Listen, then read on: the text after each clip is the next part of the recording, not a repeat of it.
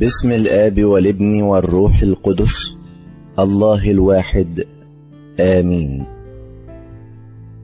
سنكسار اليوم الثامن من شهر طوبى المبارك.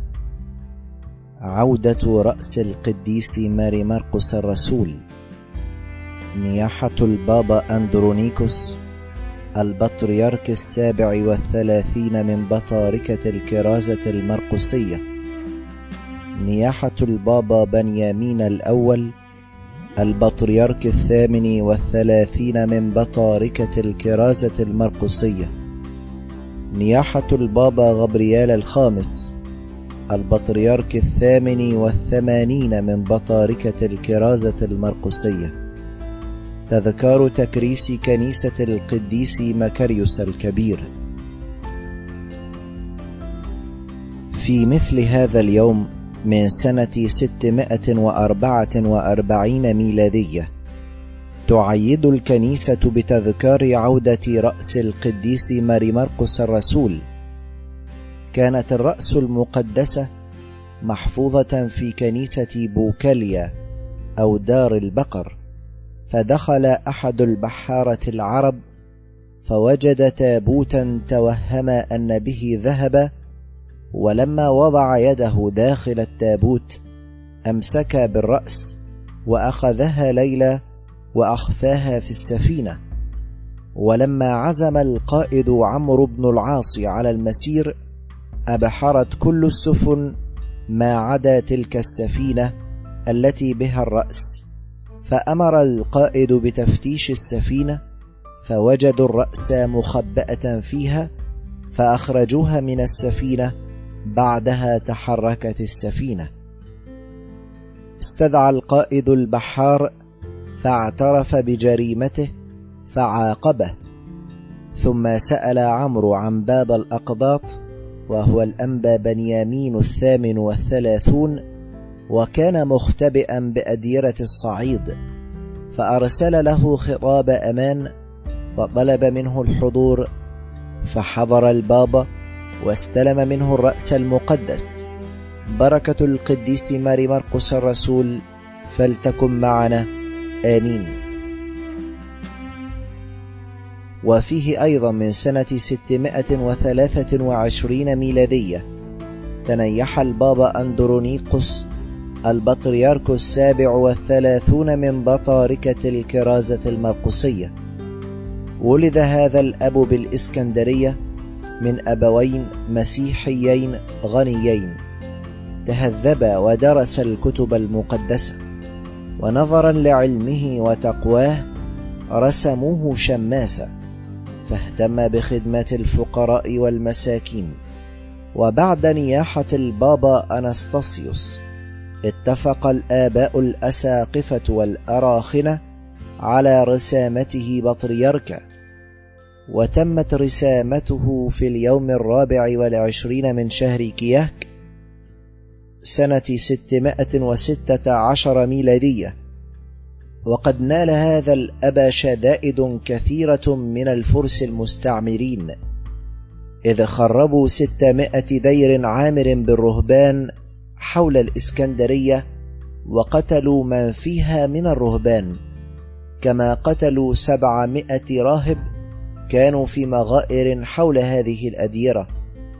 أما البابا القديس فكان يتنقل بين شعبه ليواسيه ويثبته على الإيمان والصبر. وبعد أن أكمل جهاده الحسن تنيح بسلام بركة صلواته فلتكن معنا. آمين. وفيه أيضا من سنة ستمائة واثنين وستين ميلادية تنيح البابا بنيامين الأول البطريرك الثامن والثلاثون من بطاركة الكرازة المرقسية. ولد هذا الأب ببلدة برشوط وهي بلدة كفر مساعد التابعة لإيتاي البارود بمحافظة البحيرة. من أبوين مسيحيين غنيين فربياه تربية مسيحية. ولما كبر ترهب عند ناسك قديس يدعى ثاؤون بدير القديس قبريوس غربي الإسكندرية. فنما في الفضيلة ودراسة الكتب المقدسة. ورأى في رؤيا ملاكا يخبره أنه سيرعى قطيع السيد المسيح فأعلم أباه الروحي بالرؤيا فنصحه وحذره من الكبرياء ومن حرب العدو الشيطان. وازداد في النسك والصلاة ولظروف معينة اضطر الناسك القديس ثاؤون أن ينزل إلى الإسكندرية فأخذ معه تلميذه بنيامين وهناك ذهبا ليتباركا من البابا حيث روى له ما رآه بنيامين فأعجب به البابا واستبقاه معه ليساعده في العمل الرعوي. ولما تنيح البابا أندرونيقوس اختاروا القس بنيامين بالإجماع بطريركا ورسم في اليوم التاسع من طوبة سنة ستمائة وثلاثة وعشرين ميلادية. نال هذا الأب شدائد كثيرة من المقوقس الوالي والبطريرك الخلقيدوني في نفس الوقت وبإرشاد إلهي هرب البابا إلى برية شيهيت ورأى بنفسه ما حل بالبرية من خراب على أيدي الفرس. ثم انطلق من شيهيت إلى الصعيد حيث عاش في أحد الأديرة وكتب من هناك رسائل بابوية يثبت فيها الشعب على الإيمان واحتمال الآلام. وظل هناك ثلاث عشرة سنة. عاد البابا بنيامين إلى مقر كرسيه بعد أن وصلته رسالة أمان من عمرو بن العاص. واستلم منه أيضا رأس القديس ماري مرقس الرسول التي كان قد سرقها أحد البحارة. واهتم البابا بافتقاد شعبه وتعبير الأديرة والكنائس التي تهدمت. ولما كانت الكنيسة الملكية الخلقيدونية قد أدخلت بعض التعاليم الغريبة في الأرثوذكسية اهتم هذا البابا بتوضيح العقيدة السليمة فرجع الكثيرون إلى حضن الكنيسة وأعلنوا توبتهم فقبلهم واهتم أيضا بالرعاية فرسم أساقفة وكهنة وأراد الله أن يريحه من أتعاب هذا العالم فتنيح بسلام بركة صلواته فلتكن معنا. آمين. وفيه أيضا من سنة 1427 ميلادية. تنيح البابا غبريال الخامس البطريرك الثامن والثمانون من بطاركة الكرازة المرقسية. كان هذا الأب من رهبان دير القديس العظيم الأنبا صموئيل المعترف. وسار في حياة الرهبنة بسيرة فاضلة حتى لقبه إخوته الرهبان باسم غبريال الأمجد وفاحت سيرته العطرة لذلك تنبأ عنه سلفه البابا متاؤس الأول أنه سيصير بطريركا بعده. وحينما اجتمع الأساقفة والأراخنة لاختيار باب الإسكندرية تذكروا هذه النبوة فرسموه بطريركا في السادس والعشرين من برمودة سنة 1409 ميلادية. اشتهر هذا البابا بالبساطة والتقشف فكان يفتقد شعبه سيرا على الأقدام وقد نالته شدائد كثيرة فبذل مجهودا كبيرا في تثبيت الشعب على الإيمان واهتم بعمارة الكنائس التي تهدمت. وكان هذا البابا رسول سلام بين سلطان مصر وملوك الحبشة واهتم بالطقوس الكنسية ووضع لها كتابة ولما أكمل جهاده الصالح تنيح بسلام ودفن بإكرام في كنيسة القديسة العذراء ببابلون الدرج بمصر القديمة بركة صلواته فلتكن معنا. آمين.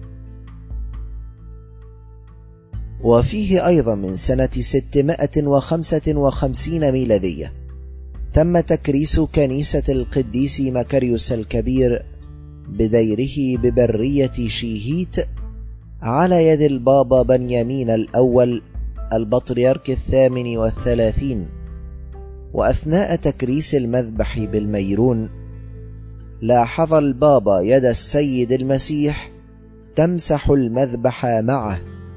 كما شاهد شيخا منيرا فقال في نفسه إن هذا الراهب يصلح للأسقفية. فأتاه ملاك الرب وقال له هل تجعل هذا الشيخ أسقفا؟ وهو القديس مكاريوس أبو البطاركة والأساقفة والرهبان. وقد حضر اليوم ليفرح مع أولاده.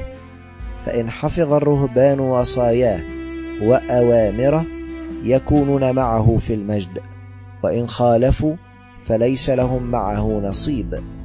فأجاب القديس مكاريوس الملاك قائلا العنقود إذا بقيت فيه حبة واحدة فإن بركة الرب تكون فيه لأنه إذا بقيت المحبة فأنا أؤمن أن الرب لا يبعدهم عن ملكوته.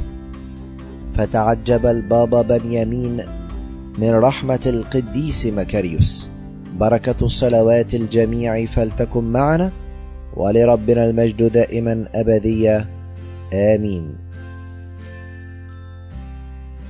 دفنار اليوم الثامن من شهر طوبى المبارك. تكريس كنيسة الأنبا مقار أبي الرهبان. ونياحة الأنبا بنيامين والأنبا أنذرونيكوس بطاركة الإسكندرية. قد ارتفع شأنك يا أبانا الأنبا مقار وبلغ طيبك إلى أقطار الأرض وتكلمت بكرامتك كل الأمم من مشارق الشمس إلى مغاربها. فالقوى العقلية تمدحك كما قال الأنبا بنيامين وشهد قائلة إني لما كنت أكرس في الكنيسة الجديدة التي بنيت على اسمه رأيت أبانا مقار في وسط أولاده مضيئا جدا أكثر من الشمس. فصرت متحيرا وقلت ما هو هذا الكوكب العظيم المضيء هكذا؟ وللوقت ظهر لي شاروبيم مضيء وتكلم معي هكذا قائلا أن هذا هو الأنبا مقار اللابس الروح وأبو البطاركة والأساقفة. طوباه وطوبى لأولاده كلهم إذا حفظوا وصاياه فلا يفنى رئيس من أبناء الأنبا مقار ولا مدبر من أولاده لأن الرب قد سر أن يكون أبا على كل الأمم الذين يسكنون في البرية. فلأجل هذا قد قرر قوانين مقدسة ووضعها في مظلته إلى الانقضاء بصلواته يا رب أنعم لنا بغفران خطايانا. صار الأنبا بنيامين معلما ورئيس كهنة مطهرا بلا لوم في الكنيسة المقدسة التي لربنا يسوع المسيح. لأنه كان ينتقل ذاهبا من موضع إلى موضع وزارعا في قلوب المؤمنين قول الحق كراع صالح يجمع فراخه إلى طريق الخلاص التي للأرثوذكسية إذ رعاهم بالأوامر التي للكوكبين الناطقين وهما الأنبا ساويرس والأنبا ديوسقورس الراعيان العظيمان. أيها البطريرك المبشر بالثالوث القدوس ثبات الأرثوذكسيين الشريك في خدمة القديسين الأنبا بنيامين البطريرك الكاهن المؤتمن الذي لله معلم قطيع المسيح الناطق. أيها القديس المعترف رئيس الكهنة الأنبا بنيامين الطوباوي والراعي المؤتمن. يا من سلم نفسه عن شعبه متشبها بمخلصنا الذي مات عنا لأنه تكلم بشهادات الرب أمام الملوك وأكمل سعيه في الإيمان بالثالوث القدوس وقد تنيح في مثل هذا اليوم العظيم في البطاركة.